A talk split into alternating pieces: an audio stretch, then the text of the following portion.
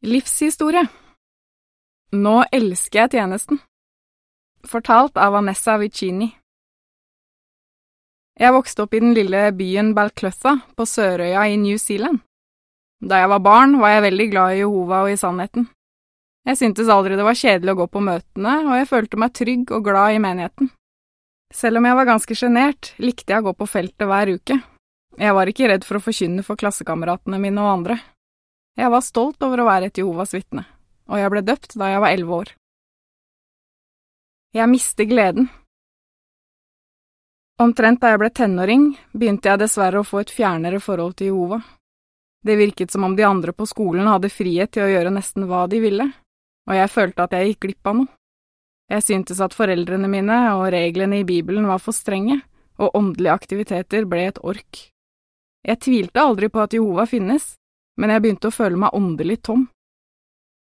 Jeg passet på at jeg ikke ble uvirksom, men jeg gikk på feltet så lite som mulig. De gangene jeg var ute, hadde jeg aldri forberedt meg, så det var vanskelig å få i gang samtaler. På grunn av det fikk jeg ingen fine besøk og opplevde ingen glede i tjenesten, og jeg ble mer og mer negativ. Jeg tenkte, hvordan kan noen holde på med dette uke etter uke, måned etter måned? Da jeg var 17, hadde jeg veldig lyst til å bestemme selv over livet mitt, så jeg pakket sakene mine og flyttet til Australia. Foreldrene mine syntes det var trist at jeg flyttet hjemmefra. De var bekymret, men de trodde at jeg kom til å holde på de åndelige rutinene mine. I Australia ble åndeligheten min enda dårligere. Jeg begynte å droppe møter. Jeg ble venner med andre ungdommer som også syntes det var greit å gå på møte den ene kvelden, og så gå ut og drikke og danse på nattklubber den neste. Når jeg ser tilbake på det, skjønner jeg at jeg hadde én fot i sannheten og én i verden, men jeg følte meg egentlig ikke hjemme noen av stedene. Helt uventet lærer jeg noe viktig. Cirka to år senere ble jeg litt kjent med en søster som uten å vite det fikk meg til å begynne å tenke over hvordan jeg brukte livet mitt. Vi var fem single søstre som bodde sammen i et hus, og vi inviterte kretstilsynsmannen og hans kone Tamara til å bo hos oss en uke. Mens han var opptatt med menighetssaker, var Tamara sammen med oss jentene, og vi lo masse. Det likte jeg. Hun var så jordnær og lett å snakke med. Jeg syntes det var utrolig at en som var så åndelig, kunne være så gøy å være sammen med. Tamara boblet over av begeistring. Hennes kjærlighet til sannheten og tjenesten var smittsom. Hun var glad for å gi Jehova sitt beste, mens jeg ikke hadde noen glede av det lille jeg gjorde. Hennes positive væremåte og ekte lykke gjorde veldig stort inntrykk på meg. Det jeg så hos henne, fikk meg til å tenke på en viktig bibelsk sannhet. Jehova vil at vi alle skal tjene ham med fryd og med gledesrop. Salme 102 Jeg lærer å bli glad i tjenesten igjen. Jeg ville gjerne ha den samme gleden som Tamara hadde, men for å få det måtte jeg gjøre noen store forandringer. Det tok litt tid, men etter hvert begynte jeg å ta små skritt i riktig retning. Jeg forberedte meg til tjenesten og var av og til hjelpepioner. Det gjorde at jeg ble mindre nervøs og følte meg tryggere. Jeg brukte Bibelen oftere i tjenesten, og det ga meg en veldig god følelse. Snart var jeg fast hjelpepioner. Jeg begynte å få meg venner i alle aldre som var flinke i sannheten og glad i tjenesten.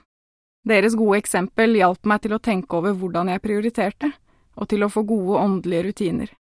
Jeg likte tjenesten bedre og bedre, og etter hvert begynte jeg som alminnelig pioner. For første gang på mange år følte jeg meg glad og harmonisk og helt hjemme i menigheten. Jeg får en fast pionerpartner. Et år senere ble jeg kjent med Alex, en snill og oppriktig mann som elsket Jehova og tjenesten. Han var menighetstjener og hadde vært pioner i seks år. Alex hadde også vært noen måneder i Malawi for å tjene på et sted med større behov. Der var han sammen med misjonærer som gjorde varig inntrykk på ham, og som oppmuntret ham til å fortsette å sette Guds rike først i livet. Alex og jeg giftet oss i 2003, og vi har fortsatt i heltidstjenesten siden da. Vi har lært utrolig mye, og Jehova har velsignet oss på så mange måter. Flere velsignelser i 2009 ble vi spurt om vi ville tjene som misjonærer på Øst-Timor, et lite land som grenser til Indonesia. Det var veldig overraskende, spennende og skummelt, alt på en gang. Fem måneder senere var vi på plass i hovedstaden Dili. Livet på vårt nye hjemsted var veldig annerledes enn det vi var vant til. Vi måtte tilpasse oss en ny kultur, ny mat og nye boforhold, og lære oss et nytt språk. I tjenesten så vi ofte folk som var veldig fattige, som nesten ikke hadde gått på skole, og som var undertrykt. Og det var mange som hadde fysiske og følelsesmessige problemer etter årevis med krig og vold. Fotnote fra 1975 var det krig på Øst-Timor i over 20 år fordi folket kjempet for politisk uavhengighet. Artikkelen fortsetter.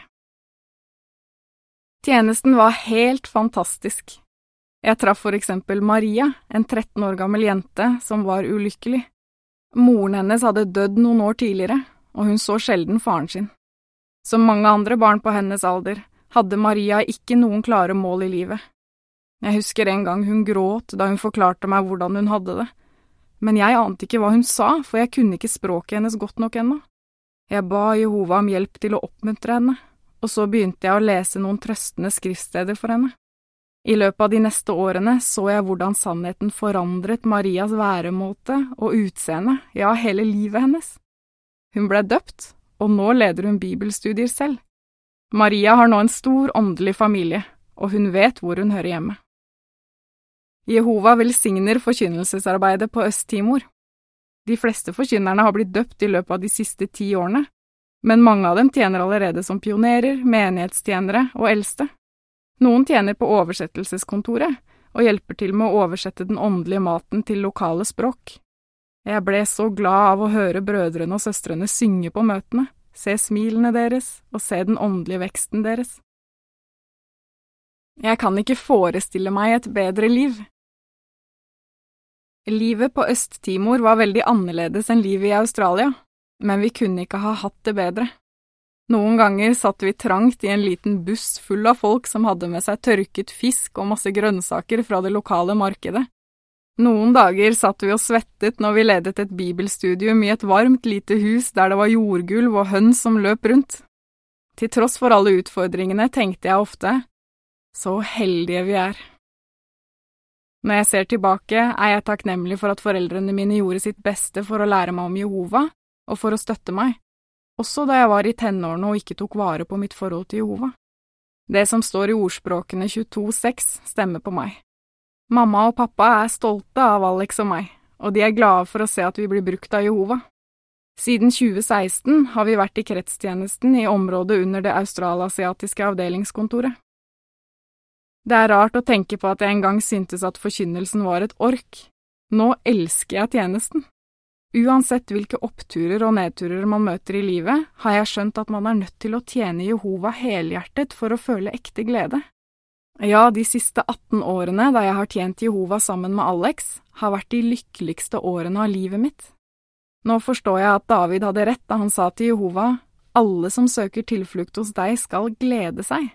De skal alltid rope av fryd, og de som elsker ditt navn skal juble på grunn av deg.